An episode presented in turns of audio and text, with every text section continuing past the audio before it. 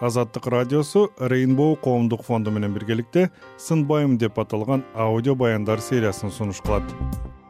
Адамдар мени менен көп сүйлөшпөйт да. Өзүмдү жалгыз сезип мен азыр он беш жаштамын. Бир жашымда вич оорусу жугуп калдым. Медсестра болушты жакшы көрөм лекин уруксат жок менге. Дарыгерлердин шал акылыгы менен наристе кезинде вич илдетин жугузуп алган кыздар балакатка жетишти алар көөдөнгө толгон арманы менен бөлүшөт. Аябай доктур боломун дегим келип лекин дей албаймын бирөөлөр мага боор ачып мындай жардам бергиси келип атса бул мага жакпайт. Алар тагдырдын сыноосуна баш ийип отурууну каалашпайт мен хочу сынбайм сыныштыам кохламайм мен эч качан сынбаймын сөзсүз кыйынчылыктын аркасынан жакшы күндөр болот. Сынбайм деп аталган баяндар сериясын азаттык радиосунан азаттык чекит орг сайтынан социалдык баракчалардан жана подкаст платформалардан тыңдаңыз. Арман менен үмүттүн ортосундагы кыялдар. Кичинемден бери врач болом деген максатымды балта чаап бузуп салышты да. Жакшы окуп өзүмдү өнүктүрөм далилдеймин бул вич коркунучтуу эмес экен. Сиз азаттыктын сынбайм деп аталган баяндар сериясынын алкагындагы кезектеги берүүнү уга баштадыңыз бул берүүдө бала кезинде медицина кызматкерлеринин шал акылыгы менен вич жугуп калган азыр өспүрүм куракта жашоодо ордун табуунун аракетинде жүргөн кыздар тууралуу баяндайм. Аты жөнүм санжар эралиев бүгүнкү каармандарым ош облусунун тургундары сырга жана кара чач экөө тең он беш жашта. Мүнөзү да тагдыры да окшош бул кыздар үндөрүн өзгөртүп берүүмдү суранышкан бир жашымда э, ооруп калганымда больницага түшкөнүмдө врачтардын шалакалыгынан улам мага вич оорусу жугуп калган. Бул сырга. Досторунан же жакындарынан вич жугуп калган адамдарды жек көргөн сөздөрдү укканда көңүлү кирдейт. Айдын он беши кара он беши ак болот. Он беши кара бул кыйынчылыктар жеңилүүлөр ошолор. Анан бул он беши ак бул сөзсүз кыйынчылыктын аркасынан жакшы күндөр болот. Ишенем мен жакшы окуп өзүмдү өнүктүрөм далилдеймин бул вич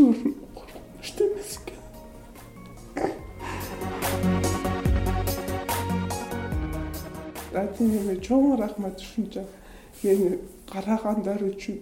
Кичинемде мен мен жөнүндө көп азап тартышкан. Азыр өзүм чоңоюп калдым эми өзүмө өзүм күрөшүп өзүмдү өзүм өнүктүрөм. Анан үйдөгүлөрдөн бир туугандарым билишпейт. Дары ичишимди билишет анан көп сурашат. Эмнеге дары ичесиң эмнеге ошондой суроолорду беришет ыңгайсыз суроолорду. Анан башым ооруган энчем деп эптеп шылтоо тагып айтам. Сырганы угуп отуруп анын көөдөнүндө айтайын деген көп сөз бар экенин туйдум бирок эмнегедир ал көп ачылгысы келбеди. Бул уккан үнү анын жүрөгүндө тоодой арман жатканынан кабар берип турду. Мени көп басынтышат башкаларга сүйлөгүм келбейт деди мен ошол учурда мен өзүмдү мындай караңгы жерге түшүп калгандай сезем мындай эми корком анан өзүмө нааразы болуп кетем кээде. Кимдер басынтат мисалы көбүрөөк? Мектепке мектептегилер басынтышат мындай сен көп ооруйсуң дегенге келтиришип мени анча кошкулары келбейт. Мен өзүм жалгыз жүргөндү жакшы көрөм менин эң жакын досум бул жалгыздык. Досторум бар алар мени тышымдан эле билишет анан ички дүйнөмдү билишпейт. Билишсе дагы түшүнө алышпайт. Башкалардын ою боюнча э, башкача ойлошот э, түшүнгүлөрү келбейт э, даже кызыгышпайт да бекен азыр. Себеби мурда караңгы кылып түшүндүрүп коюшкан экен бул оору менен жашай алышпайт деп ойлошот экен. Мисалы мына биз жашап жүрөбүз го азыр мына деним таза мына таза эле болуп жүрөм адамдардай эле болуп окуп атам билим алам ичкенге ичим жегенге бар бар жогу тең аллага шүгүр баары бар. Сырга вич оорулуу экенин он эки жашында билген оштогу рейнбоу коомдук фондунун вич улан кыздар менен иштеген адистери ага дарт тууралуу айтаардан мурун бир канча жыл моралдык жактан даярдашкан. Максатка жетүүгө умтулууну үйрөтүшкөн. Мен жашоону аябай жакшы көрөм күчтүүмүн баардыгын жеңип чыгам. Өзүмдүн максаттарым бар ошолорго жеңгенге аракет кылам. Дүйнө жүзүн көрүп саякаттап келгим келет өзүмдү чоңойтуп өзүмдү өнүктүргүм келет. Азыртадан аракет кылып жатам ошо э, мугалим болуп э, өзүмдү көрсөтөм мен күчтүү экенимди Э, бул жашоодо мен дагы өзүмдүн ордум бар экенимди башоң көрсөткөнгө аракет кылдым. Далилдегенге сырга өзү көксөгөн ийгиликтерге өзү каалаган эркин жашоого албетте жетет деп ишенем жана ага жашоодо ийгиликтерди каалайм. Сиз азаттык радиосунун сынбайм деп аталган баяндар сериясынын алкагындагы кезектеги уктурууну тыңдап отурасыз. Бул берүүдө биз э, бала кезинде медицина кызматкерлеринин катасы менен вич жугуп калган кыздар тууралуу айтып беребиз. Менин аты жөнүм санжар эралиев эми сыргага тагдырлаш кара чачты угалы кара чач интервьюга пирог көтөрүп келди. Аны өзү даярдаган экен. Маектин алдында пирогду кесип ооз тийгизди. Улам вич тамак аштан идиш аяктан жукпайт деп мага оорунун жугуу жолдору тууралуу маалымат да берип отурду.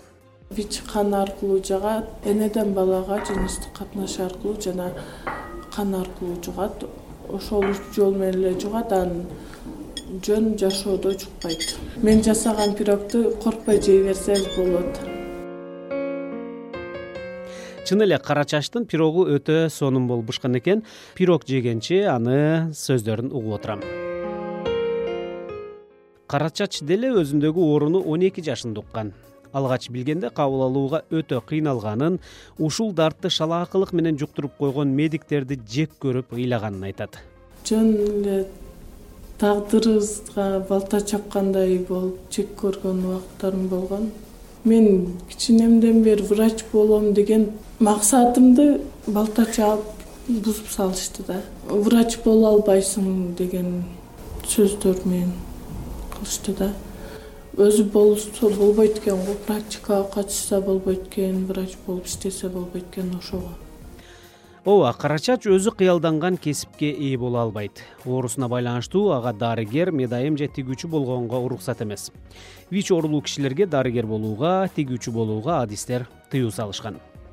Бирок кара чач өтө таланттуу өзүнө тагдырлаш кыздар менен. Тагыраагы бала кезинде ооруканада вич жугуп калган курбулары менен биргеликте мультфильм тартууга аракет көрүп жүрүшөт. Кыздардын айылдары бири бирине жакын ошондуктан тез тез жолугуп да турушат албетте азырынча аларда мультфильм тартуу үчүн программалар менен жабдылган компьютер жок тажрыйба да жетишсиз. Интернеттен эле үйрөнүп ата энелери алып берген смартфондун жардамында эле сүрөт тартып акысыз тиркемелердин көмөгүндө ошол сүрөттөрүн кыймыл аракетке келтиргенге үн коштогонго аракет кылышууда. Даяр болгондо сөзсүз азаттык аркылуу башкаларга көрсөткөнгө убада берди. Ыр жазам жомок жазаман айтиге жакынмын. Мультфильм тарткым келет еще видеолор жасагым келет монтаждап үйрөнүп атам жасашты. Азыр видеоредакторлорду үйрөнүп атам мультфильм тарткым келгени ошол биз бир команда болгонбуз да кыздар менен ошо өзүбүздүн жашообузду чагылдырып мультфильмден да чыгарсак деген ой чыккан төрт кыздан бизден ошого мультфильм тарткым келип калды кызыгып калдым ошо. Азыр сценарий жазып атабыз ал сценарийде кандай эмне болот? Сценарийде туура маалыматтарды беришке аракет кылабыз жана өзүбүздүн жашообузду чагылдырабыз жана э, эл туура түшүнүшүнө аракет кылабыз. Кээде кыйынчылык күндөр болот кыйынчылык күндөр жакшы күндөр болуш үчүн себепчи болот келечегимди жарык элестетем. Бирок кыйынчылыктар дегем элестетем келечекти элестеткенде. Кыйынчылыктарды жеңүү үчүн окушум керек жана негативдерге көңүл бурбашым керек жана максатымды так коюшум керек. Дары ичип атасың да? Ооба бир маал. Күнүгө бир маал дары ичесиң дарыны жутуп атканда дары чоңдук кылат жана көнүң айланат башың айланат ошо кыйынчылык ички сезимдеримди ырга батыргым келди. Жараткан берген экен сыноосун аты башкача вич деген оорусун. Көтөрөсүң деп жаратканын баарыбызга түйшүктүү күндөрдү салды биздин жолубузга чөкпөйлүчү көтөрөлү сыноону түшүнүшүп дайым бирге бололу үмүт менен кадам таштап алдыга биз ооруну жеңебиз деген жолдо сиз азаттык радиосунун сынбайм деп аталган баяндар сериясындагы кезектеги уктурууну тыңдадыңыз. Бүгүнкү каармандарым он беш жаштагы сырга жана кара чач болушту. Маектин алдында алардын жакындарынан жана өздөрүнөн интервью үчүн уруксат алынган эске сала кетсем эки миң алтынчы эки миң жетинчи жылдары ош жалал абад облустарындагы ооруканаларда дарыгерлердин шалаакылыгы менен үч жүз сексен эки нарестеге вич жугуп калган. Алардын айрымдары жашоо менен кош айтышты. Көпчүлүк балдар кыздар чоңоюп азыр балакатка жетип калган кез аларга мамлекеттен жөлөк пул эл аралык уюмдардан республикалык спид бирикмеси аркылуу акысыз дары берилип турат кийинки уктурууда сырга жана кара чач сыяктуу дагы башка кыздардын баяндарын угасыз. Менин аты жөнүм санжар эралиев